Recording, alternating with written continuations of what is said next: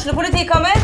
Ine Jansen er purk. Er du purk? The motherfucking bitch. Alt jeg vil, er å finne ut hva som skjedde med mannen min. Jon Carew. Er jeg sikta for noe? Iben Akeli. Det er du. Ole So, Lars Berrum og Big Daddy Karsten. Hvem sin side er du på, egentlig? Anette Hoff, Tone Danielsen, Kommer du fra Afrika?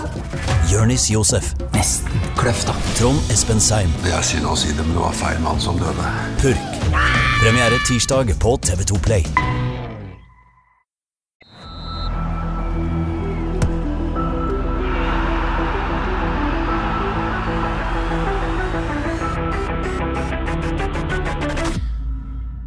Hei og velkommen til episode 130 av Frelst. Mitt navn er Terje Flateby. I dag er jeg så heldig å ha besøk av Jostein Grindhaug. Velkommen, Jostein. Takk for det. Veldig kjekt at du eh, tok deg tid til å komme inn her, for eh, det er travelt om dagen. Nei, Eller? nei, det er det ikke. Nei?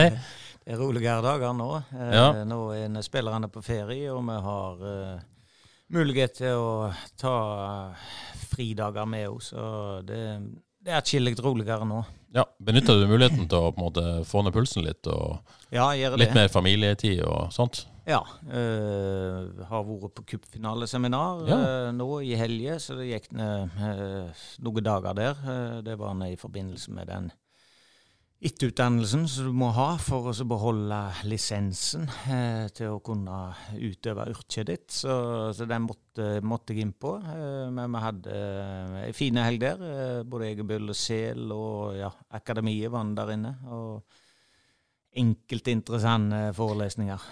Altså, Jeg tror jeg får kjeft av mine Leeds-venner hvis jeg ikke spør hvordan det var å eh, få et foredrag av selveste Bjelsa. Var det Noen syntes det var veldig stort. Lærte du noe? Eh, ja, jeg vet ikke hvem du har snakka med. Nei, jeg har ikke snakka med noen. Jeg har bare sett bilder og fått tilsendt folk Ja. tok bilder med Bjelsa. Jeg skjønner jo det var stort for Ja, da, han, vil jo, han vil jo ta oss i hånda. Vi hadde Ja. en ekstraseanse der. Eh, Det var liksom fra den første seansen, så han brukte fem og en halv time på. Ja, ikke sant? Eh, Da gikk jeg etter halvannen time. Ja, du orka ikke det? Nei, det ble for sært. Ja. Det ble Han er veldig, veldig spesiell. Og når du da eh, snakker spansk eh, og har en eh, engelsk eh, tolk, så, så ble det litt sånn tungt for meg, den der fem og en halv timer seansen. Eh, så de skal ha all honnør, de som holdt ut, holdt ut der. Men vi var så heldige å få han neste dag på en sånn mer eksklusiv hånd. treneren i i Obos-ligaen og Eliteserien. Eh, så da hadde vi en to og en halv times seanse med han, og den var, den var OK. Ja. Ja. Er det, er det, han, han har jo på en måte vært en, en foregangsfigur for mye i fotballen, og, og kanskje ikke fått de resultatene sjøl, men er det noe å lære av sånne ting? Altså, sånn, tar, du, tar du med deg noe? Ja, bevare meg vel. Han, øh, han har jo lykkes på sin måte. Han, øh, han er jo en øh, spesielle kar, øh, men fotballen kan han. Altså, han er jo overutdanna i forhold til det han holder på med. Eh, han, øh, blant annet så gikk han gjennom hvordan han tenkte fotball. Eh, han hadde 760 økter øh, klar, eh, altså over en femårsperiode. Eh, han eh, var voldsomt strukturert og organiserte. Eh, han, eh, blant annet så dro han en lang analyse på hva han gjorde når han møtte de forskjellige tallsystemene eh, på motsatt side. Eh, da la han om, så alt var nøye planlagt på forhånd med alt han foretok seg. Ikke så voldsomt opptatt av eh, eh, kommunikasjon og spillersamtaler. Eh, det viste han helst med, med bilder. Så eh, det var stort ytterpunkt på han og Claudio Ranieri, da, som, Ja, han var der, ja, ja. som hun hadde. Så det, det var kontrastene der var interessante å få med seg. Han er mer sånn man-to-man-manager og snakker med folk og Ja, det er mer å få ut det beste Ja. i den enkelte, og så var han jo så heldig da, og så sett et, eh, et lag der eh, med, med Wardi og Canté og eh, altså et mer 4-4-2-lag, så så bare åt på seg, eh, hvor han fikk ut eh, det litt ekstra i hver enkelt av spillerne. Så, så han var nok eh, i den enden av skalaen. Er du mer Ranieri enn Bjelsa, Jostein? Jeg er nok en eh, Ja. av de to. Identifiserer meg nok mer med Ranieri, men samtidig så må du ha noe av det som Bielsa presenterer. Så en, en, blanding av de er vel mer beskrivende på meg. Ja. Men den tida her nå med litt sånn rolig og planlegging og sånn, liker du den? Og, ja. ja, altså det er jo Jeg har alltid hevda det, at den beste tida er egentlig de månedene i prisisen opp mot en en ny sesong. Eh, det er også Ja, nå få, for gjerne den der julet med familien. Eh, den er viktig. Vi trives godt i sammen i romjula. Da, er vi samla. Da, er ungene òg hjemme, og du har eh, ja, den nærheten til øvrige familie. Og så liker jeg inngangen da i januar, hvor du begynner å putle på med inn og ut på spillerlogistikk, eh, begynner å forme den, eh, den, troppen og det laget som du ser for deg inn mot sesongstart. Så du har ikke det presset eh, fra uke til uke. Det er mer eh, at du, du, jobber med mm, i, i en roligere hverdag. Ja, og den pausen her der man på en måte ikke trenger å forholde seg til spillerne og mer i den planleggingsfase, det er litt sånn viktig for begge parter det å, å ha det brekket der. Ja, nå får vi jo en ekstra lange brekk. Det har vært tungt. Altså, du, jeg merka det etter siste kampen, at uh, det, det, var godt. Uh, jeg hadde ikke klart uh, så mye mer. Det var Det var Har vært lange sesonger. Jeg husker på vi hadde koronasesonger nå her i tillegg, som liksom har vært forløperen til denne sesongen, som ble tøff i seg sjøl. Eh, så når du legger alt det sammen, så merker jeg at eh, det, var, det, var, tungt å være Jostein da, ja. Ja, for det, det, har vært to sesonger før dette som, som varte til Altså, det ene året var jo helt til 22. desember. Før mm. du nesten har gått på, på ja, gjett i tre år, på et vis. Ja, det har det. Ja. Eh, du, du, må ha det i hullet som du får nå, eh, en eller annen gang. Om det er ei uke eller to uker eller en måned, det har ikke så mye å si. Men eh, et brekk hvor du får puste, det, det må du ha. Ja, vi skal jo, eh, vi skal jo eh, snakke om, i dag om, om, sesongen som har gått, og, og se fram mot den som kommer. Og så har vi fått en hel haug med lytterspørsmål. Jeg tror nesten det er rekord, Jostein. Men la oss nå begynne med det du sier. på en måte. Ja, Som Bjelsa, da, så ville jeg hatt ei sendt uh, For forhånd og forberedt deg, ja.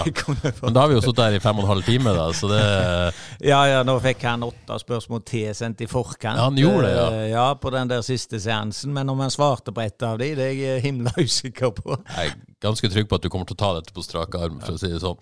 Men, uh, men du, du, sier, du, sier, at det måtte være tungt å være Jostein Grindhaug der på slutten. Er, er, du ferdig med sesongen i hodet nå, eller? Har du, ja, jeg, på den ennå?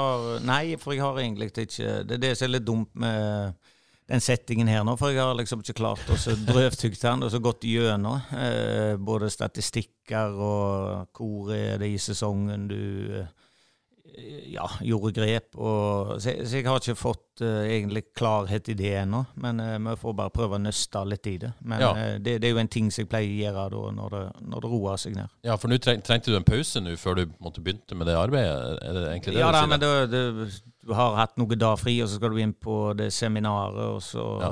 så, jeg har egentlig ikke vært uh, i gang sånn tankemessig jeg, eh, med oppsummeringen. Altså, så det betyr at dere har ikke hatt noen større evaluering sånn internt av, av sesongen på et vis? Eller?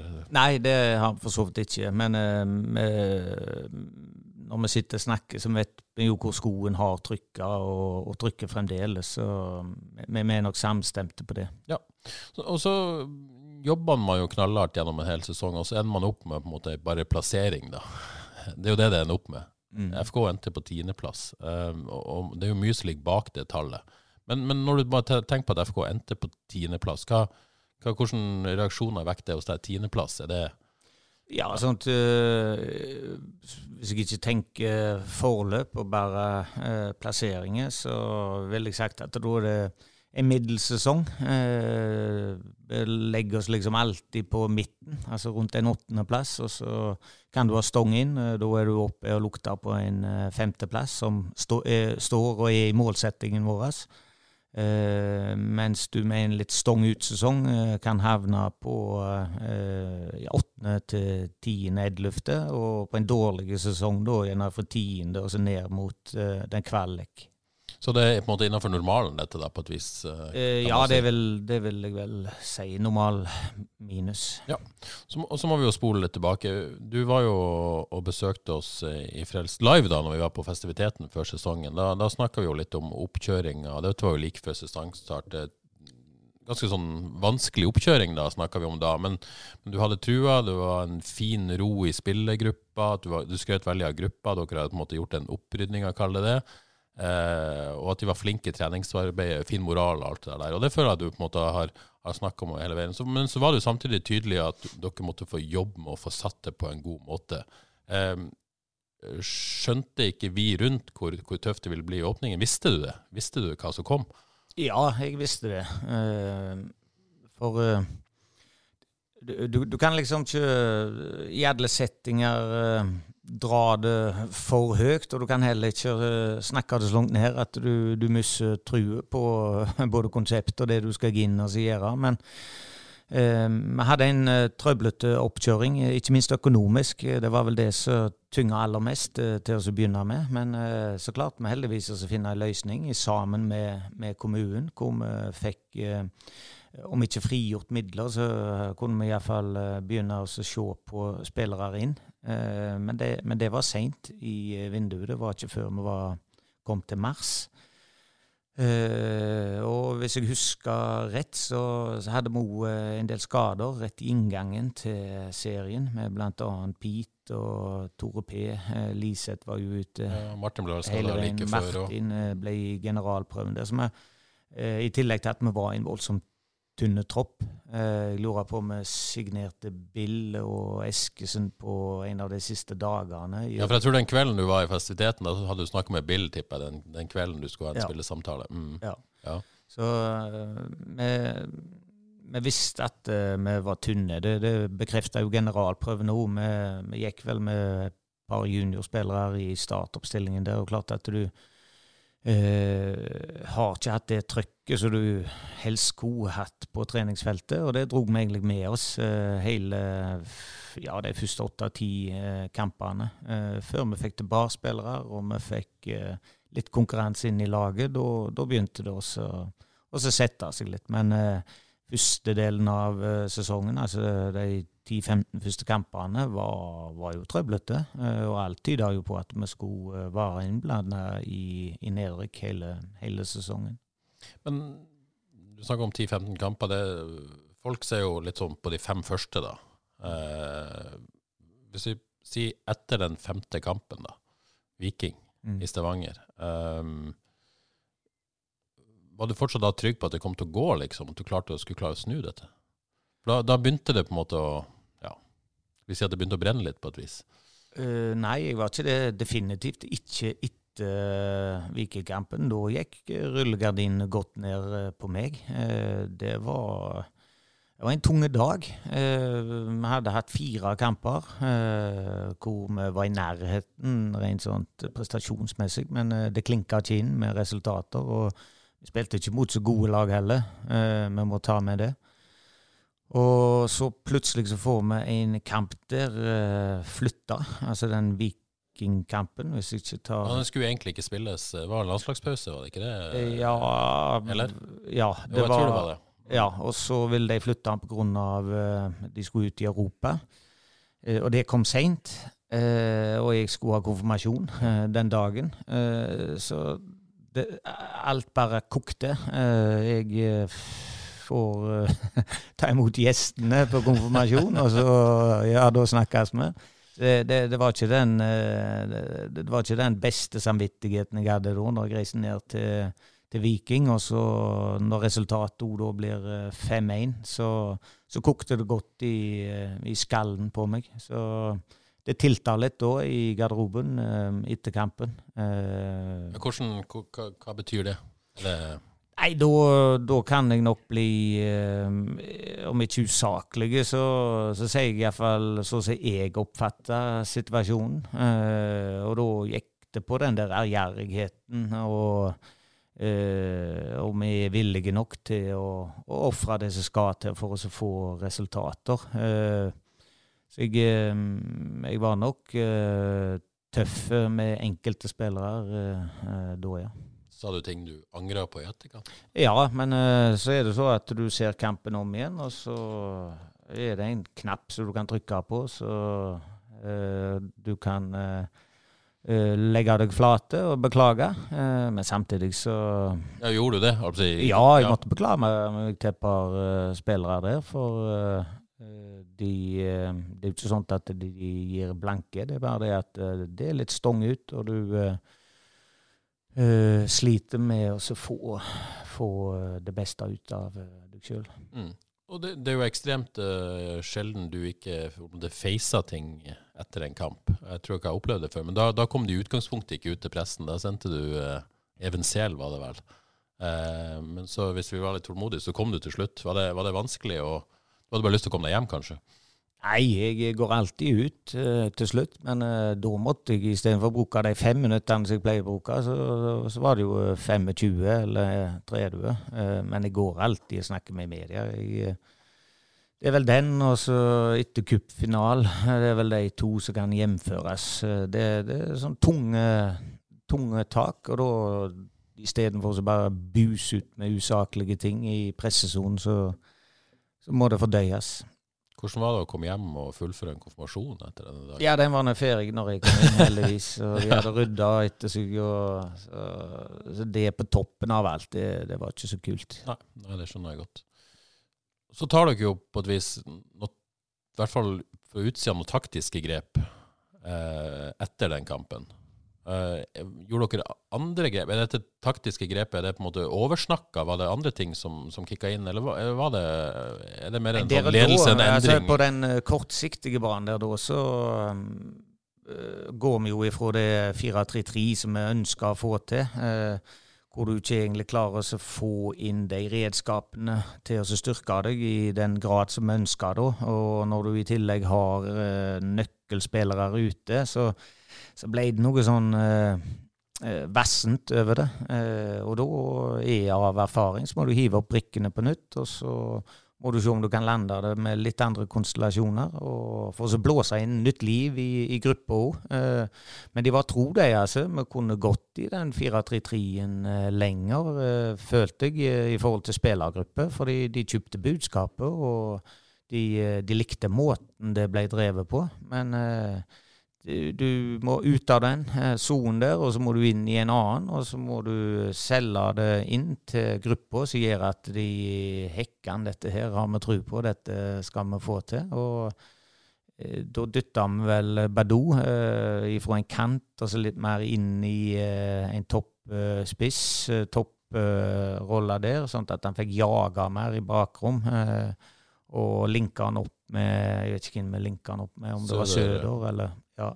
Så da, da, fikk du mer den klassiske FKH med, med 4-2, eh, hvor du var enda mer eh, bakromsorientert og annenballspillorientert. Eh, du skippa gjerne et ledd i frispillinger, sånn at du, du, hadde en enklere vei til, til motstanderen sitt mål. Var det, var det en enkel beslutning å ta eller, eller, var det vanskelig på en måte å, å bryte med det man, man, hadde lyst til å få til? da? Eh, ja, det er både òg, for at uh, du, uh, du, prøver å stå i det som du opprinnelig har planlagt, men så har vi såpass dialog innad i trenerapparatet at uh, hvis det ikke skjer noe etter det, så må vi gjerne begynne å kikke på andre ting. og det er tungt å måtte gå ifra noe som du eh, eh, har brukt mye tid på. Vi brukte hele oppkjøringen på det, og vi eh, brukte de første fem kampene på 4-3-3-en. Og du selger inn et budskap til spillerne, og så må du eh, kaste det på båten og så begynne med noe annet. Eh, tungt, men eh, altså, det er så vi har drevet i FKH, eh, iallfall siden jeg har vært der. Men, men tenk på sånn fra et fra lederperspektiv, så, så, så, sier du jo på ett vis Det kommer an på hvordan du formidler budskapet, men du sier jo på en måte ok, nå legger vi vekk det vi har prøvd på i, da, i fem måneder. Mm. For nå funka ikke det. Eh, og så prøver vi noe annet. Er, er det, hvis det ikke hadde funka, da, på en måte, kan det oppstå altså, Ja, kan det oppfattes som, som vingling fra spillernes side? Nei, det tror jeg ikke. Ja, ja, det, det, nå skal ikke jeg si det, men, men, men, ja, da, men som leder så er du jo trygg på at uh, du, kan ikke, du kan ikke gå uh, i det samme sporet når du ikke plukker poeng. For vi, vi må jo plukke poeng for oss å spille i den samme divisjonen neste år. så Eh, fra et lederperspektiv, trenerperspektiv, så er det ikke noe vanskelig beslutning. Du, eh, du gjør det som skal til eh, for å ta de tre poengene, spesielt når du har tapt de fem første. Du kunne snudd på det. Det hadde vært dårlig lederskap hvis du ikke hadde, hadde gjort noe. Så det sitter jeg ikke med. Jeg syns jo det er triggende sjøl. Jeg blir jo trigga av det sjøl. Altså, hvordan skal jeg få spillerne med meg hvis jeg ikke tror på det sjøl? Så du må jo ha energi og bensin på bålet sjøl for å få spillerne med deg. Så vi, vi hadde tygga litt på det å få, få han lenger frem i banen, eh, Badou, for han hadde sine svakheter ute på kant. Der det er jo ikke en eh, klassiske spiller som utfordrer, drar forbi og så kommer på innlegg. men eh, han hadde den egenskapen eh, med fart og kraft og OK i presspillet sitt. Eh, og så hiver vi jo opp eh, brikkene utover sesongen nå. Eh, og det gjorde vi året før og året før der igjen, så eh, det er vi vane med. Og så skårer dere etter to minutter mot Kristiansund. Det er vel Badou til Søderlund, eh, så vidt jeg husker. Eh, husker du den kampen? Hvor godt husker du det som skjer der? Da? Nei, den husker jeg egentlig husker ingenting? ingenting av. Så når du sier to minutter, så er det OK. ok, Det er ikke sånn at du husker 'yes, nå uh, snur det'? Det var ikke en følelse, nei, nei, nei. nei. Nei. Uh, Jeg kan ikke huske kampene heller. Det noe som sier meg at jeg tror vi vant fortjent, men ikke, ikke noe sånn voldsomt god fotball. Nei. Dere vant, og dere vant 2-0. og Vi vant dere, 2-0, ja. eh, Vi er enige om at det er begynnelsen på, en måte, på, på den snuoperasjonen. Ja, ja, snuoperasjonen Jeg syns vi sleit uh, vel hele den der vårparten. Der gjorde vi ikke det. da. Vi var vel nede i uh, nedrykkstrilaget uh, der, uh, iallfall frem til en 15-20 kamper, var vi ikke det? der? Altså, det, det var vel sånn at dere fikk jo noen umiddelbare resultater. Jeg tror vi hadde 16 ja. poeng etter 16 kamper. Men så var det ganske variabelt videre der, Ja. eh, og, og kulminerer kanskje med, med Jerv borte, da. Ja, Som, som jeg føler er en Ja, slags det er jo, et et skille, annet ikke sånn sant? eh, Ja. vendepunkt, for Ja. at eh, det jo ble litt sånn Nok en gang, da, så er vi inne i en tøff eh, periode. Eh, lite spillere. Eh, for det er vel på sommeren, dette her, eh, før eh, det vinduet, andre vinduet er kommet i gang. Og vi har uh, cupkamper som kommer, så vi har eh, søndag, onsdag eh, eller søndag-torsdag eh, kamp. Eh, og så skal du opp mot eh, Jerv, så da eh, klarer å få utsatt eh, et par kamper. Eh, og eh, når de møter oss, er det med det sterkeste laget, og de har egentlig enda mer energi enn det som er klarte klart å mobilisere da. Og da ender det ofte så at når ikke vi klarer å, å trykke inn det siste energipillet, så, så taper vi den kampen. Men kampen i seg sjøl er jo en kamp prestasjonen er god nok til å vinne. Eh, men det, det er liksom forutbestemt da at eh, der skal vi tape, og vi skal vikle oss inn i eh, ned, ned, nedrykket. Ja. Men, men, så, men så etter dette så klarer dere på en måte å, finne dere sjøl igjen og, bygge på det da på et vis. Og, og få Ja, det, og det, er mer, det er mer med at du får Vi får vel hente en MC, Ja. Si, hvor, hvor viktig var det? Eh, Ja, Det som var viktig, var jo at vi fikk mer voksne folk på treningsfeltet. Eh, Slippe å springe med Suren eh, som en treningsspiller og andre Og hvem tenkte du på da? Hvis folk Ja, det er jo ja, fysioterapeuten. Sørhus. Sørhus, ja. ja. han er kjempegod, han. Men det er klart at du vil ha spillere som har litt tyngde i seg på, på treningsfeltet. og Det, det klarte vi å få til etter hvert. Og da får du en bedre treningshverdag, og det, er- det er nøkkel. Eh, det må vi aldri glemme.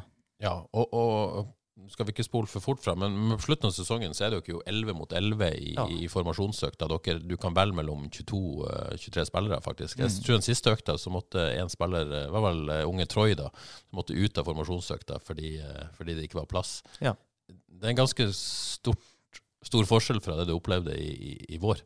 Og Ja da, og der, der har ikke Haugesund hatt som kultur heller at vi, vi er så mange spillere. Du, du har gambla litt, du, du går eh, smalt. Eh, og så bruker du eh, de pengene da, som du kunne brukt på én eller to spillere, det bruker du enten på en treningsleir, eller du bruker på støtteapparat, en ekstramann der, eller du bruker det på en ekstra treningsleir. Så det, det er liksom så marginalt eh, vi har drevet dette her. Eh, og da, når vi kan plusse på med et par mann og få, få 18 eh, seniorspillere, eller 17-18 seniorspillere, og så plusse på med dine egne beste fra akademiet, så, så er du i en god, eh, god stilling. Og det, det var vi på slutten av dette året. Er det litt sånn underkommunisert at folk ikke helt skjønner hvor viktig det, det er det i si, treningsarbeidet eh, å, å ha en sånn solid start. For alle bare tenker på elveren og tenk på eh, han går inn for han. Du trenger ikke så mange spillere. Men, men det som foregår hver dag, hvor, hvor, hvor viktig det er? Ja, det er det, det, det, det handler om. Og så, så blir jo eh, kampdagen en fest, eh, og da må du skuffe noen. Men eh, du eh, Det er jo det gode trenere, ledere, er eh, jo velsigna med å ha den kompetansen da, til å kunne få eh, de eh, åtte andre òg til å føle seg som en del av, av laget. Og Det tror jeg bare blir viktigere og viktigere så som fotballen er rigga nå, med den intensiteten det er i det. Du har flere bytter. Eh, Du kan gjøre mer eh, taktiske grep med, med de spillerne du har. Eh, Du har gjerne 16 eh, spillere som er involvert i en kamp. Det er klart at det er mange som får, får kick av det. Mm. Det var en tidligere Tottenham-trener som sa at uh, spillerne har ikke betalt for å spille kamp, de har betalt for å trene. Og det er vel kanskje noe i det? At det er der jobben legges ned? Ja, ja, men du må, du må balansere det rett, etter. Altså, vi, kan trene oss i hjel. Eh, Det er det, skal bunne ut i et produkt òg. Mm. Litt tilbake til sesongen. Badou har jo vært en sånn å si, nøkkel eh, både med og uten han, på et vis. Eh, denne overgangssagaen begynte jo i, i sommer, eh, og, og, og, og gikk en stund. Hvordan oppfatta du den, den perioden der? Uh, ja, oppfatter han. Uh, det er vel litt som dere har fått frem i media. Uh, eh, det har ikke vært noe sånn skjult, for så vidt. Det eneste som kan virke litt merkelig, det var vel når vi gikk ut og sa at han hadde vondt i magen. Men altså, han hadde vondt i magen, og han ble sjekka for magen. og det er klart Hvis du går med tanker og sånt, så kan det fort slå seg til magen. så han, eh, han var jo ute av seg sjøl, og det, det så vi jo på han nå, det. Selv om han, eh, han prøvde det han kunne, han, og når han var på treningsfeltet med oss å by på seg sjøl. Men eh, klart det blir vanskelig når du, eh, du har et trykk fra sikkert familie, agent og, og de rundt, som ønsker at han skal, skal gå til, til en bedre kontrakt. Mange var jo skuffet over han da, og, og det han, de oppfatta at han gjorde. Er det noe skuffelse hos deg når sånt skjer? Eller skjønner du mekanismene og spillet for godt? Ja, men vi kan ikke forklare alt med at det er så fotballen er. Altså, du får sparken, ja ja, men det er så fotballen er. Altså, du må stoppe opp, og så må du drøvtygge det, og så må du få fram uh, uh, begge sider av det. Og så må vi jo til slutt stille spørsmål er det, er det så vi vil at fotballen skal være. For alt er liksom akseptert. Det er så fotballen er. Det er så eh, det fungerer. Og, og hvis det skal bli en sannhet, altså, kom an. Eh, da tror jeg det Ja, da punkterer ballen til slutt. Så Ja. det må eh, Enhver sak er forskjellige, men det er rett, tror jeg, å få fram eh, begge sider av saken, og så heller ta en, eh, en avgjørelse og si at ja, så var fotballen denne gang. Mm. Men, men, Men det irriterer meg litt, det uttrykket der. Ja, men det, Ja. det er så fotballen er. men, men du, dere la jo eh, Dere la jo om mye av spillet da tidlig, ikke, ikke fordi at dere skulle du gjøre det bra for Badou, men, men han var jo en viktig brikke. Dere fikk han til å fungere, dere fant en rolle for han som gjorde at han, eh, han eh, fant seg virkelig godt til rette, skåra mål, eh, fikk ut eh, eh, ja, lagt opp til hans beste egenskaper, for å si det sånn, da, og, og han begynte å prestere for alvor. Og så, og så på en måte skjer dette. Er det, noe- er det noe, på en måte noe sånn føler du noe Ikke svik, men du skjønner hvor jeg vil hen? Nei, jeg gjør ikke det. For at uh, vi, det er så vi må jobbe, om det er Badou eller om det er andre spillere som ikke får spilletid. Så er det jo å prøve å finne den rette plattformen eller den rette rollen, sånn at eh, han får eh, det beste ut av seg. Og det er jo, er jo eh, FKH tjente med. Ja. Så med, eh, Badou har jo gjort en kjempejobb eh, i den perioden han var på topp, og han, eh, han fikk skåret det som Så så det, det blir jo feil å si. Eh, det du kan kjenne litt på, det er disse spillerne som du har jobba med, og eh, du har gjerne hatt større tro på de du enn de har på seg sjøl. og når de da lykkes, eh, så får du gjerne ikke noe igjen for det i form av eh, eh, økonomi. Eh, De, eh, de er litt tunge. Ja. Noen eksempler på det? Eller? Nei. Nei. men, eh, kan tenke seg det sjøl, kanskje. Den dagen det skjer, eh, er det, er det tungt. Ja. Og så, var jo han på en måte en, en eh, viktig brikke i, i fotballen dere spilte en, en periode, og så kom han litt ut av det. og så Hvor mye av den, måte, de grepene dere tok etterpå, eh, var måte, mangel på Badou, mangel på en, kanskje en typisk bakromspiss? Eller måtte hvordan, hvordan jobba dere med å finne andre løsninger? da? For dere utvikla jo på en måte måten dere så ut på hele, hele veien utover sesongen. Ja da. Ja. Du, eh, du fikk jo eh, en fastere fisk, eh, først og fremst defensivt. Med, med Kevin ned, så fikk du en ny dimensjon i, i det defensive spillet ditt iallfall. Og så er jo utfordringen vår hvordan vi kan utvikle det enda bedre. Både til å få det til å fungere bedre offensivt, og fremdeles utvikle det defensivt. Så det var ett av eh, grepet. Eh, og så er det alltid et jag etter å finne den type spiss da, som eh, kan bekle et så rett system.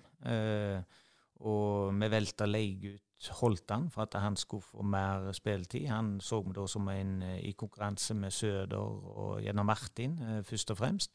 Eh, hvor eh, ja, den link-upen de tre imellom Vi fant ikke den der eh, perfekte eh, sammensetningen der. Eh, så da lot vi han gå til start på utlån. Eh, så har vi prøvd Søder og, og Martin, men det heller ikke klikka helt inn. Eh, så da har det blitt at eh, ja, eh, det er vel stort sett eh, enten Bill eller han eh, Kristos. Eh, Mats har vel vært der et par kamper. Eh, Så vi, har lett litt etter den eh, beste konstellasjonen der. Eh, Så har ikke alltid Søder vært tilgjengelige. Og det er jo en sånn tunge ting, for at Søder har vært såpass god at du har gjort deg avhengig av han. og Det det er ikke alltid like greit. Jeg er for når- gammel til å kunne være avhengig Nei, jeg vil ikke, ikke bruke ordet for gammel, men det er jo klart at han har jo utfordringer da med å stå kamp etter kamp, og spesielt når det er forandring i underlag og det er 90 minutter det er snakk om. Så eh, å Ta han da, Er du imponert over han i den alderen? Hva, altså, vi skal jo ikke snakke for mye om alder, men han er jo en bra alder da, til fotballspiller å være. Ja, da, jeg er jo litt skeptisk og sånt i utgangspunktet til, til um, hente rutinerte spillere da, da, eh, som er oppe i året. Men eh, eh, jeg kan bekrefte det at ja, jeg er imponert over den jobben som Søderlund har gjort. Det, er. Eh, Så kan ta da, dagens første lytterspørsmål. For å vet, Kjetil Hågenvik lurer på at du har jo vært, sånn som han oppfatter det, i hvert fall ganske tydelig på at FK skal spille med fire bak. Eh, måtte du jobbes med for å overbevise om den, den femmerløsninga, eller eh, Og er du, forts er du overbevist nå at det, det er en god løsning? Ja, men jeg har jo aldri eh, hogd noe i steinen. Jeg har alltid hørt at ja, 4-4-2 det er FK Haugesund. Men eh, vi lana om der òg til 4-3-3, og vi har spilt uh, forskjellige formasjoner. Jeg tror, jeg tror uh, vi må høre og se rundt oss hva er trendene, og hvordan kan vi få det beste ut av de spillerne som vi har til enhver tid. Så det å spille, det har ingen prestisje i noen ting på så rett. Jeg ønsker at vi skal vinne fotballkamper og eh, være i Eliteserien år etter år. Det er det aller viktigste for meg. Den Krygård-rollen, da, for å kalle det det, eh, det er jo ikke noe man ja, i hvert fall ikke sett så mye av før at man måtte ha en spiller som eh, i hvert fall sånn som jeg oppfatter det, i enkelte kamper skal gå opp i midtbaneleddet og, og, så skal falle ned. Eh, Odd har vel gjort en del av det samme. Hvordan oppstod den måte, tanken der om, om, å ta det grepet der? Ja, Bull og Sel uh, har jo snakket om det eh, en stund, de. Uh, Iallfall når vi har analysert eh, Odd, måten de gjør det på. Eh, Lillestrøm med Ogbu. Vi spilte vel mot dem i fjor sommer. Reiste til Åråsen med Vaji på topp, hvor de la om til en, en fembekkskjede, hvor de setter Ogbu i midten. og han tok luven av av uh, Veggie der. Uh, så den har liksom ligget der, den, og, og vært et alternativ da, da, til å kunne få en enda strammere uh, forsvarsmur. så ja, det, det har ligget der, det. En... og så er det jo alltid så i fotball. Du, du ser på, du ser på frispilling, altså hvem Eh, hvem passer best i en frispilling? Eh, kan du dytte bekkene høyere opp og så legge ned en ekstra stopper? Sant? Eh, og du, du møter lag med oftere og oftere med en bakre, bakre, femmer. Altså, hva gjør du for å både demme opp og angripe dem? Så det er en sånn naturlig del av uh, det å skaffe et motspill da, uh, til, til, konkurrentene.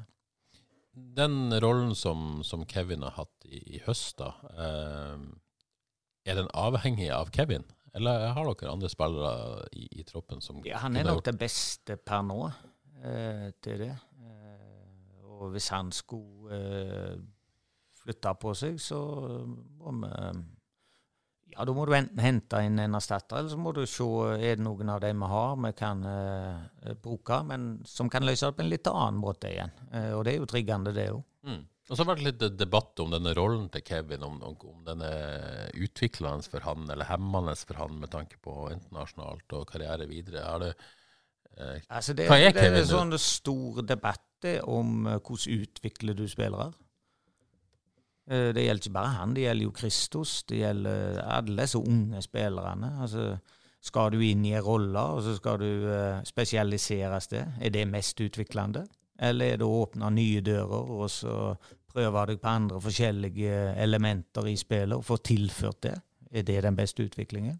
Og jeg har definitivt mest tro på den siste. Det å på en måte takle flere deler av spillet for måte brukt andre kvaliteter. Blir aldri en dårligere fotballspiller av det. Nei, Og, og den kritikken da, måte, da, hva er Kevin? Er han midtstopper, er han midtmannsspiller? Hvilken rolle måte, passer han inn i det? Ja, For oss er han jo den spilleren som han bekler søndag etter søndag. Mm. Eh, og så får eventuelt eh, om han går tilbake til Djerv, eller om han går til, til polsk eh, fotball, så får de definere hvordan de vil gjøre det. Men eh, i Ås og i FK Haugesund, så er han jo det som han er eh, søndag etter søndag. Ja.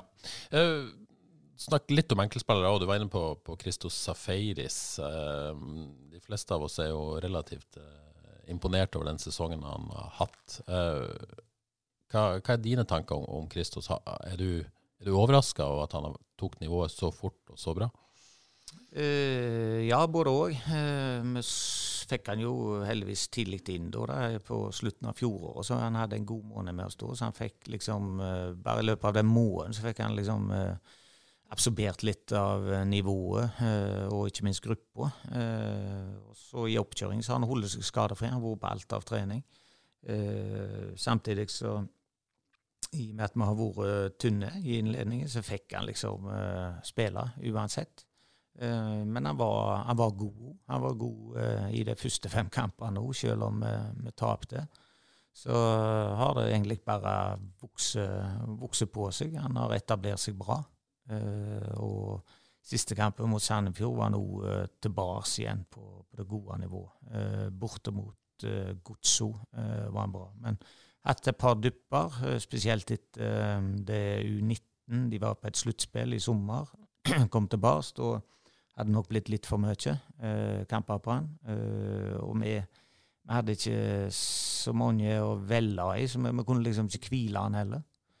Eh, så det var litt min feil. Eh, og den andre gangen er når han har vært med U21 og kommer tilbake. Da, da eh, må, de, må de bruke ei uke to til å akklimatisere seg, har jeg inntrykk av. Hva handler det om, egentlig? Ja, Det handler om at du kommer inn i et miljø, og du, du snuser på en helt annen verden enn det eh, vi kan gi han i Haugesund. Mange stjerner på det U21-landslaget. Det er det. Ja. Um, du er jo inne på det så vidt i forhold til hans posisjon, da. Uh, har jo Varierer jo hos dere, da. Er det Dere har jo brukt han der, regner jeg med, fordi det, det har vært best for han og for laget. Ja, først og fremst for oss. Ja, for laget. Altså, det har vært, først og fremst ja. for laget. Ja. Uh, så har jo han hatt en eventyrlig utvikling, han. Jeg tror ikke noe som kan ta oss på det. Nei. Men han kom jo her og var, var liksom mer en type sånn sekser og litt defensiv. eh, og har på en måte... Det er nok der han er aller best, også, ja. som en sekser, hvor han kan uh, være inne der og, og piske på uh, i gjenvinningsspillet. Uh, han er flink til å se rom, flink til å dra han i bakrom på både første og andre touchet. Han er flink å tilby, være på tilbyder i frispillinger, trygge på ball, god i nærrom. så han har jo egentlig alt du ser etter til en sekser. men han kan spille sekser alene, han kan spille i spann med to seksere, han kan være en åtter, han kan være en fin boks-til-boks-spiller. så det han, er, han har mange kvaliteter i seg. Har du en tanke om hvor du vil bruke neste år? Ja, det er hvordan stallsammensetningen blir. Men han er jo et sterkt kort til en startspiller. Mm. Um, ja, det regner jeg med. Noen av vil jo være overraskende. Uh, ja, det er ingenting hadde vært kulere at vi hadde hatt uh, spillere som gjorde at han uh, satt på benken. Det vært gull, det. Det hadde det vel kanskje. Jeg har lyst til å trekke frem Egil Selvik òg. Ble årets spiller på vår spillebørs. Um, ja, har stabilisert seg på et høyt nivå, syns jeg i hvert fall. Ja. to år han har vært nå. Ja. han egentlig er jo Eh, veldig dedikert, eh, først og fremst. Kom ifra eh, klubber hvor han gjerne ikke da har fått den spilletida. Og det er klart det gjør noe med personligheten. Du blir litt sånn irritert og, og lei deg og ønsker å brekke til eh, på alt. Eh, har siste, siste året i alle fall funnet mer balanse, syns jeg. Han er roligere. Han vet at uh, her er det mulig å gå på trening, få den næringen som du trenger for å kunne stå godt i, i Eliteserien. Og har fått uh, en fin uh, sommer og høst uh, med få innslupne mål. Og klart det, det hjelper på, det. Ja. Og kjekt å få den landslagsplassen. Ja, det var kjekt for han. Ja. Noen andre du har lyst til å på en måte som, som har imponert deg i året som, som, gikk? Ja, det er jo det. først og fremst hvordan vi har egentlig snytt det i sammen. Uh, uten at det har vært så stund heve steinen på hverandre. Vi har liksom klart å løse det sammen. Så den gruppementaliteten uh, har vært bra. Og så syns jeg Søren Race bare har vokst utover. Fra ja, hvor det nærmest ble snakk om en flopp fra medias side til å være en av de aller beste stopperne i Eliteserien til slutt. Har en voldsom evne til å få kroppen sin på ballen? Ja, han er jo en bra duellspiller. Han er en uh, oppofrende spiller. en spiller som er klok, som du kan diskutere fotballfaget med. han sier ikke noe uten at det er reflektert og gjennomtenkt. Men tror du kritikken som kom, var litt sånn på basis av her skulle man på en måte Det ble snakka mye om en, en ballbesittende stil og spille bakfra, så, så, var kanskje ikke det hans fremste egenskap. da, at, da, at det ble veldig sånn synlig i begynnelsen. da, Tror du det er noe bakgrunn for Og så var han involvert i noen måte, hendelser. Alle fortjener kritikk når det ikke presteres. Det, det er ikke det jeg sier, men det er likevel tøft å uh, kunne snu det da ifra å være en kritiserte spiller, til, altså negativt kritiserte spiller, til å være en som går ut av sesongen da med, med gode skussmål. Mm. Uh, Espen Lukas Underhaug lurer på hva som skjer med Martin Samuelsen. Får dere han tilbake til 2019-formen neste sesong? Og, ja. hva er din take på Martin? Ja, det kan fort skje, det. Eh, nå får eh, en oppkjøring til. Eh, Martin ble jo skada og var ute i en seks-åtte uker, hvis jeg ikke husker helt feil. Eh, rett før seriestarten i, i fjor. Og du kommer litt bakpå da. Eh, og så kan ikke jeg gi han den tilliten som han, eh, han må ha for å kunne prestere. Martin er en sånn tillitsbasert spiller. så eh, vil det være nye kort til, til neste år. Men uh, det er det vi går for, at han skal få ut potensialet sitt. Men er det han eller uh, Søderlund? Altså ja, det er vel altfor tidlig å, å si. Vi har, har, uh, har, en plan, så får vi se hvordan ja. den går. Det er én ting som er sikkert, så er det at det blir ikke så som jeg sier det skal se ut i slutten av november. Det, det, pleier ikke å bli sånn, altså? Nei, det gjør ikke det. Før vi går inn på den, den planen for neste år, da, så, så, vil jeg bare overbringe hilsen fra Vegard Villa Helgesen, som uh, vil skryte enormt for den snuoperasjonen og den sesongen som blir gjennomført. Han mener det er stor prestasjon å, å få det til. Uh, er du Altså, hvor, hvor, du har jo trent dette laget en, en del år. Og den, det, det dere har fått til i år og snudd det, er det høyt der oppe på, på, på lista over ting dere har fått til, eller? Nei, jeg, jeg, sånn jeg, jeg ser ikke på det så, jeg, altså. altså uh, uh, vi kan ikke ha for mange sånne sesonger som dette. Da, da blir det tungt, og da rykker vi ned til slutt. Vi må prøve å sikte enda litt høyere, og iallfall ha et utgangspunkt uh, når vi går inn til sesongen som tilsier at her har vi et solid lag, og vi kan uh, begynne å sikte oss inn til, på målsetningen til klubben da, så er kjemper med en femteplass. Det, det er bedre det enn å måtte hele veien unngå uh, et nedrykk. Ja, og, og, der dere står akkurat nå i, i, slutten av november 2022 før 23-sesongen, eh, er det et bra utgangspunkt? Et annet utgangspunkt enn dere hadde de siste sesongene? vil du si? Ja, et annet utgangspunkt er det nok. Eh, for eh, vi har vel eh, bra kontroll på kontraktsituasjonen. Altså vi har en forholdsvis om ikke unge grupper, så har vi iallfall en, en fin sånn balanse i, i spilleralder. og de er på lengre avtaler. Så vi har en basis nå som gjør at vi, vi, vi er jo ikke 12-13 spillere når vi møter opp i januar. Vi er faktisk 17-18 spillere når vi møter opp i januar. Og da, da begynner du jo på økter eh, der som du ønsker å, å være. Um, du sa i sted dere hadde en plan. Går det an å si noe om hva, hva er den planen? Planen er alltid først å se på hva du har, eh, og hvem av de som skal være med i båten eh, til neste år. Så det, det blir å, å, finne ut av hva spillere er det som allerede er med oss, som vi ønsker med oss videre, og så må vi supplere derifra. Ja, og, og folk er jo opptatt av dette med spillelogistikk, det vet vi jo. Uh, ja, der, og det forstår jeg jo. Det, ja. det, det, det, er liksom der du kan uh, lage en sånn portefølje av ja. uh, både rykter og, og, sånne ting. Så det, er kult at det er aktivitet rundt det. Men samtidig må det være forståelse for at jeg kan ikke, jeg kan ikke sitte her og si for djupt om Martin Samuelsen, om hva som skal til for at han skal lykkes, er greit nok. Men altså, deres posisjon og så rett i i gruppa. Det, det blir jo helt feil når ikke han er til stede her sjøl. Men, men kan, du si noe på en måte, Dere går jo inn i et overgangsvindu nå som, som, uh, som åpner i januar. Går det an å si noe om hva dere som trenere har, altså, har dere noen overordnede tanker om hva dere vil få til? Ja, og vi har starta de prosessene. Eh, alle de prosessene starter som ønska uh, for at bildet skal bli uh, enda sterkere til neste år. Ja, og det handler jo selvfølgelig om, om både ut og inn, og hva ja. dere vil sitte igjen med så direkte spørsmålet, er det noen posisjoner du ønsker å forsterke, sånn som du ser på det nå? Ja. Vil du si noe om hvilke? Nei, jeg vil ikke det.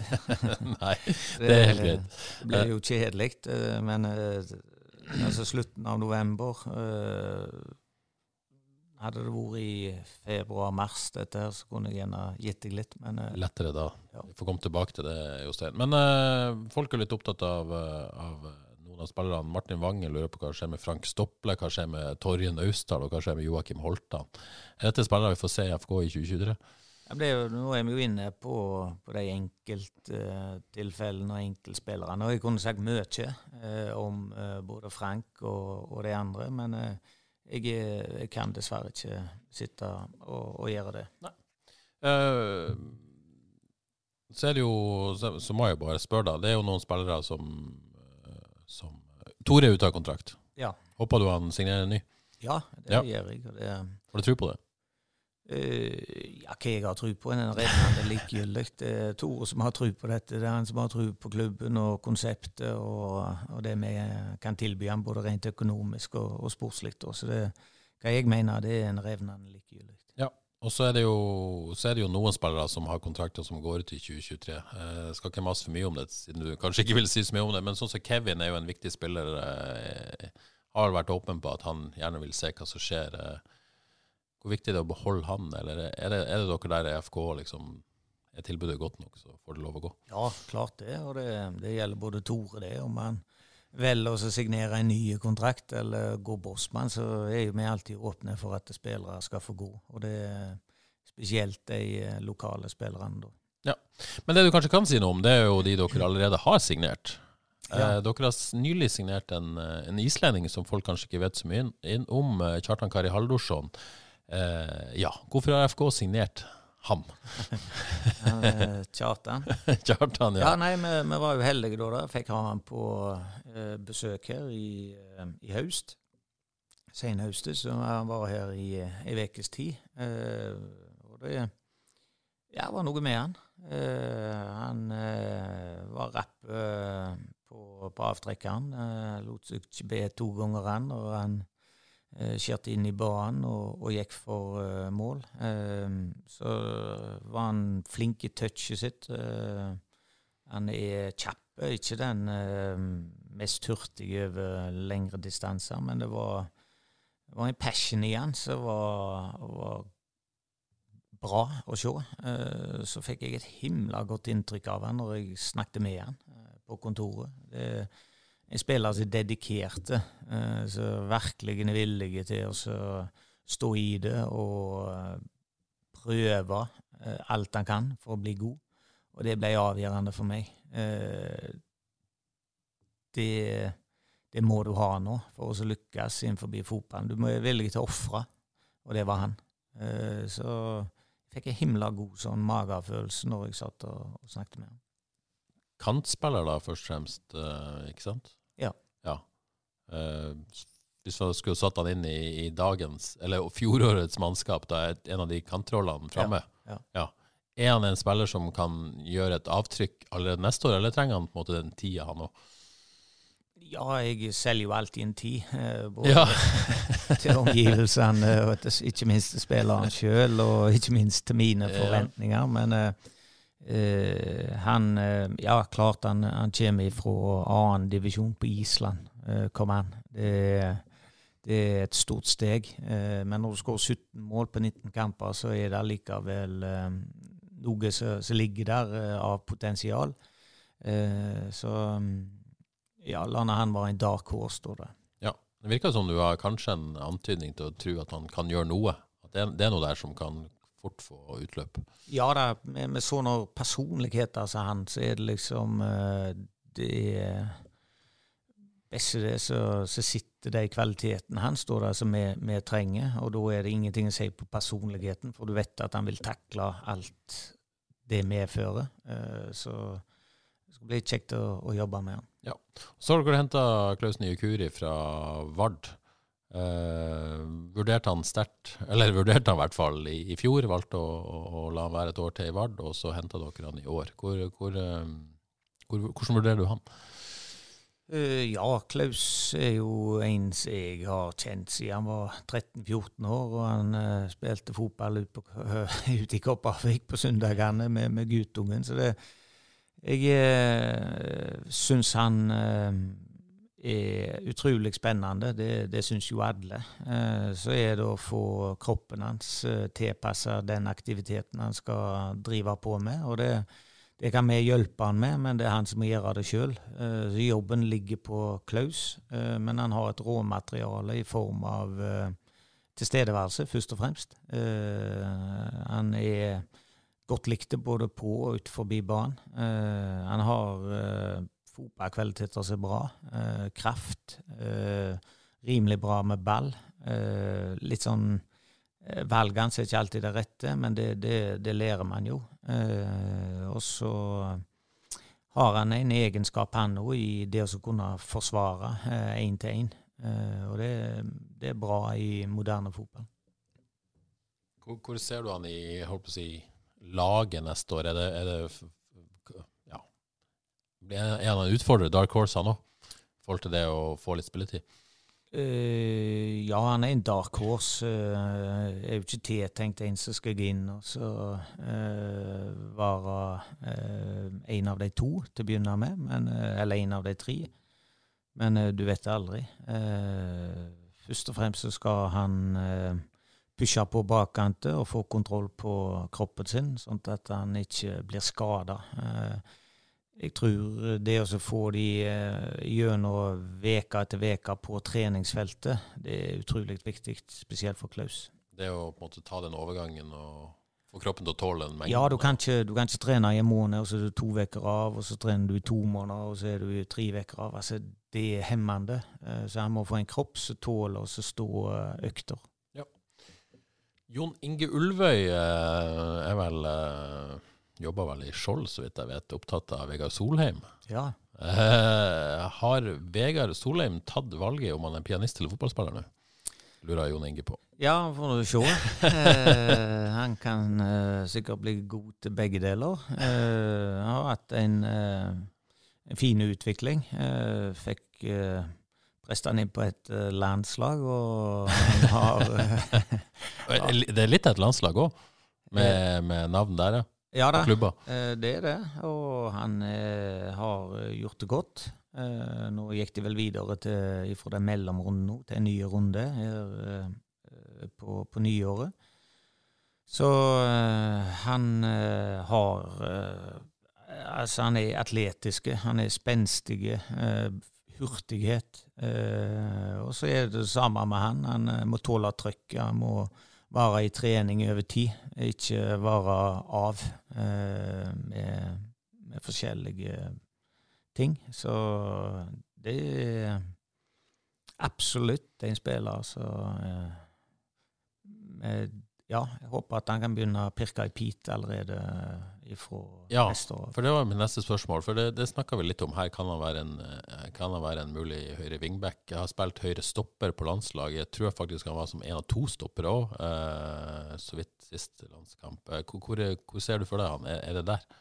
Ja, eh, det er godt mulig han er best, aller best som eh, en høyre stopper eh, i en trier. Men han kan òg brukes som back, og i alle fall en, en wingback. Så han er spennende. Ja. Um, så er jo folk også litt opptatt av disse enda yngre spillerne. Uh, dere har tatt opp uh, Troy Engseth Nyhammer i Asdalen. Eh, Martin Wang lurer på om noen akademispillere får vi nytte av Eliteserien neste år. Det er utrolig vanskelig spørsmål å, å svare på, men, men, det er vel Troy som er nærmest. da, Og, og nå er jo ikke han akademispiller heller lenger. Han er en fullblods proff og A-lagsspiller. Ja, han er det, eh, og det har han gjort seg fortjent til. Eh, han eh, er en klok spiller. Nok en gang en sånn spiller som går inn i kategorien dedikerte, ønsker altså prøve å få dette her til, og har bestemt seg for å ofre andre ting for å fylle den fotballdrømmen. Og det, det er første budskapet eh, du, du, gir til disse unge spillerne. Så eh, i kraft av det så får han muligheten nå. Og i tillegg da så har han en fin venstrefot. Han er eh, flink i, i den romorienteringen, som vi sier. Altså finne det rette rommet. både for seg sjøl, eh, og ikke minst eh, når han har ball, å finne andre i, i, det rette rommet. Så minner litt om han eh, Ødegård. Eh, litt samme, samme, typen. Men eh, har en vei å gå fysisk, da. Men du ser at kroppen begynner å sette seg nå. Det er ikke så ofte dere tar 16-åringer opp i Asdalen som permanente medlemmer? Nei, det er det ikke. altså. Vi, vi, er ganske sånn nøye og gjerne liksom litt for uh, jeg vil si, eh, kommer ikke på ordet, men du restriktive da, da, på å gi proffkontrakter. Vi pleier helle og helle og helle, og så eh, helle gi en for lite igjen eller en for mye, for at uh, de skal vite hva det innebærer. Og når de har fått den, så, så skal det jo innebære noe ifra døra si side. Uh, virker som det gjøres en, en, en solid jobb i akademiet. Dette G16-laget har jo vært veldig bra. Det tror jeg har vært en, en del av. Eh, forventer du at det kommer enda flere neste år enn det har gjort de, de forrige årene? Det er vel Kevin og, og Velde kanskje som er de forrige som har brutt igjennom den lydmuren. Ja, Frank til dels. Ja, Frank til dels. Det har vært flere. Men det, og Vegard selvfølgelig, Solheim en del av det, men uten det, at han har fått gjennombruddet. da. Ja, da, nei, det, men det tar tid, dette her. Eh, det er svært få eh, under 21 år som spiller faktisk Eliteserien. Så det, det, momentet der blir liksom glemt oppi det hele. Men tilbake til, til akademiet, så har det vært, eh, det har vært kjempebra for oss med den akademiklassifiseringen. da, da hvor det blir mer legitimt for FK Haugesund å være den klubben som skal drive med, med toppfotballen på Haugalandet. Så du får om vi ikke lagt den debatten død, for den må, den må ikke dø. Det må være en uh, slags motstand, en diskusjon på hva som er det rette.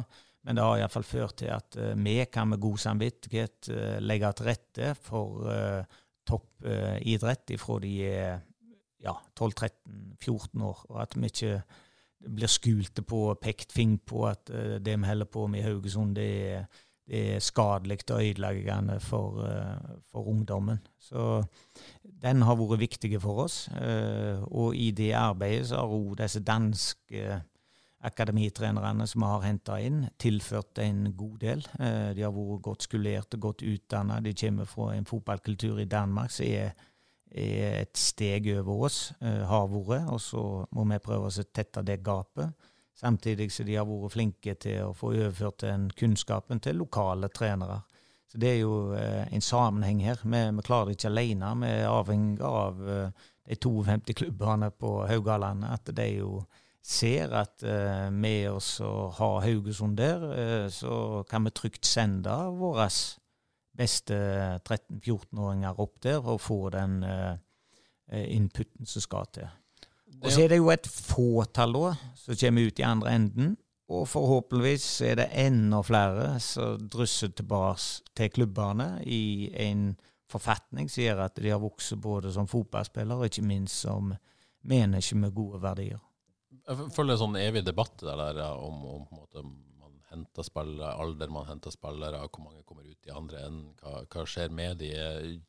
Kjenner du den debatten? Det er jo ikke sånn vet du, at hvis du ikke når opp til A-lag i Haugesund eller inn på et landslag eller videre ut i Europa, så har du hatt en dårlig eh, eh, tenårsperiode. Det, det, altså, de har det jo kjekt i sammen på, eh, på, de lagene og på de øktene, ellers hadde du jo aldri gidda å holde på med det. Men kjenner du den debatten? Du på en måte har jo sikkert kontroll på hva som skjer på Åkra, f.eks. Ja, ja, jeg, jeg til, altså, du tar jo kanskje de beste spillerne fra ett lag, og så, og så, kan det skje noe med det laget. og så det har konsekvenser på et vis. Det, forstår du debatten, at noen måte er skeptiske? Ja, jeg forstår debatten, men jeg forstår ikke argumentene. Nei. Altså, Hva er argumentene? Nei, nei, altså argumentene er jo ofte Altså Hvis to av de beste forsvinner, så får du jo muligheten til å bruke enda mer krefter på de som er igjen. Mm. Argumentasjonen går jo ofte at du måtte ødelegge utviklingsmiljøer i klubbene osv. Uh, ja, det, det, må vi jo passe oss for. Mm. At uh, vi raserer lag. Uh, da har vi jo ikke gjort god nok jobb. Men jeg tar det for gitt at vi ikke raserer lag og utviklingen til, til, andre lag. men at spillere som har såpass kvaliteter at de kan få den inputen som vi kan gi dem, det, da får det bli opp til spilleren og deres foresatte sjøl om det er det rette. Tilbake til, til 2023. Vi snakker om plan, og da snakker vi stort sett om, spillelogistikk. da. Eh, men dere har sikkert en plan hvordan dere skal utvikle fotballen nå. Eh, ville på en måte, Fra det vi så de fem-ti siste kampene, og, og, fra det dere vil ønske å få til fra, fra sesongstart, eh, har dere på en måte et ønske om utvikling? Hva, hva, vil dere få til, eller er det også avhengig av på en måte hva som skjer i, med stallen? Ja da, det har jo en sammenheng. eh, Men samtidig så, så kan vi jo jobbe videre med det som vi avslutta med. Eh, Og da eh, blir det også prøve oss eh, allerede et par punkter som vi kikker litt på, om vi kan få enda mer effekt av. Og så må vi ja, hva skal jeg si? Eh, det er klart vi må, vi må skåre mer mål, eh, samtidig som vi er såpass uh, dyktige defensivt som vi har vært. Eh, så må vi kikke på, på siste tredjedel. Kan vi være enda mer effektive og, og få enda mer mål?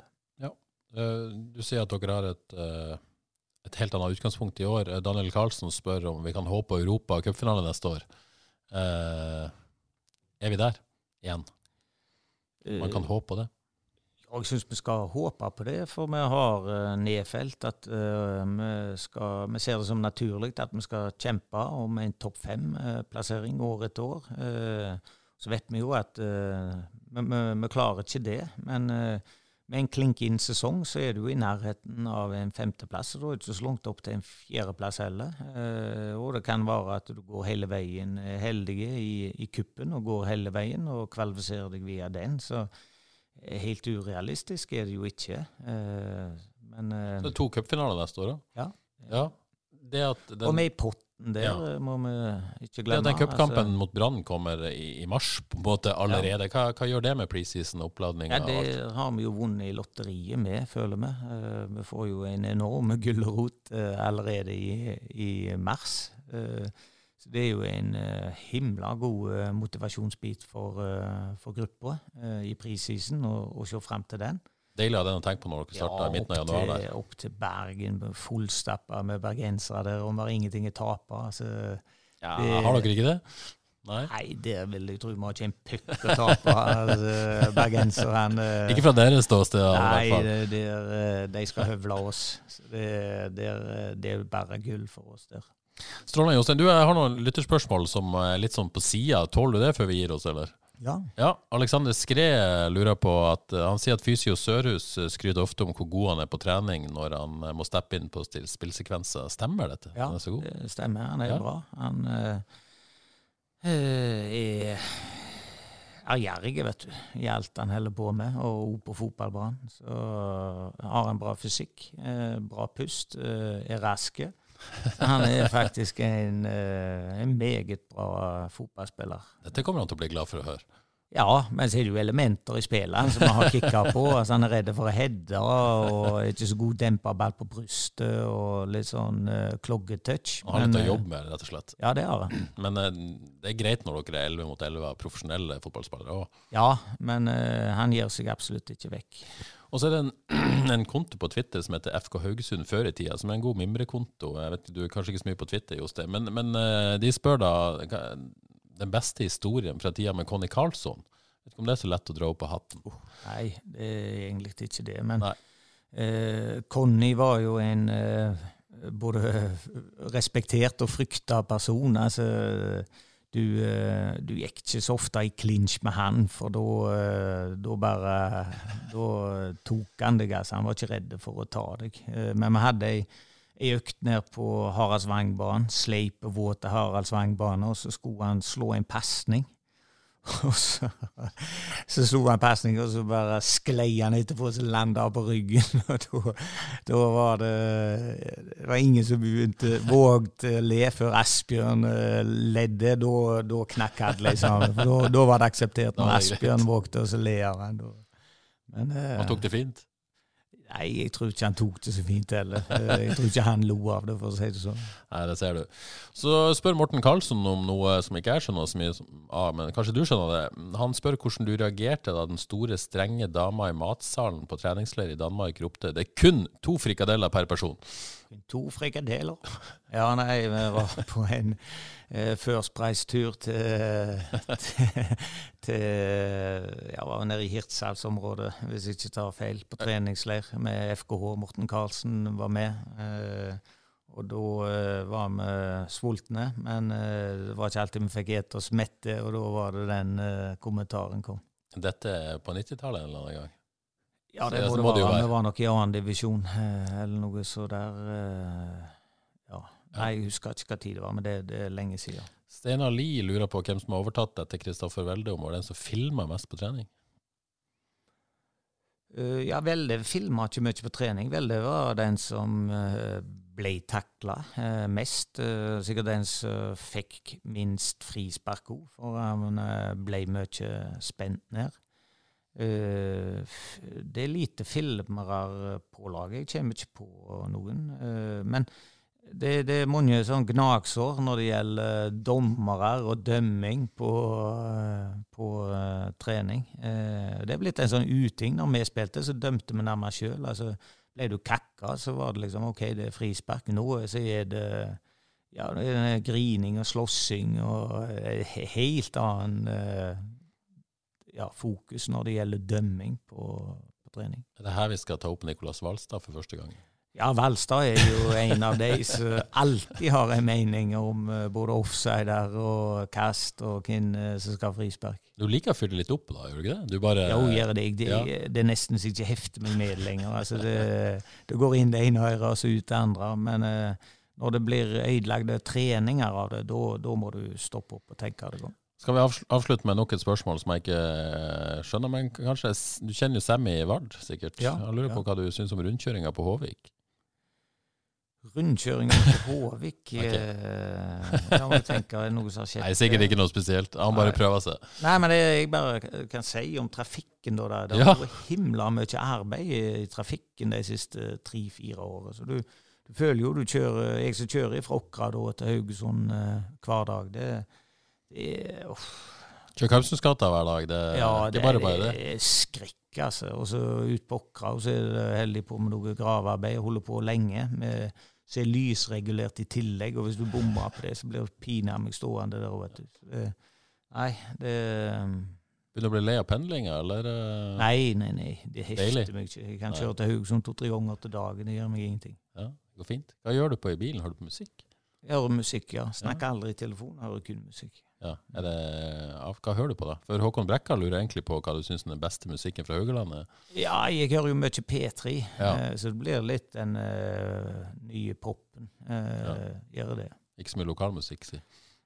Uh, jo, for så vidt, men uh, ikke at jeg uh, drøvtygger det, nei. nei. Nei, musikk er fint, det. Ja. ja. Slappe av, da. sant? Gjør det. Ja, så godt. Har du slappa av her i den timen? eller? Ja, det har jeg fort. Ja. Tenker på den parkeringen der ute. Ja, det var den. Vi skal, vi skal få gå og ta den. Tusen takk for at du kom, Jostein. Lykke ja, til med 2023 når vi kommer dit. Vi snakkes ja, da, nok før det. Og tusen takk for at du kom. Og vi er tilbake om ei uke. Ha det bra.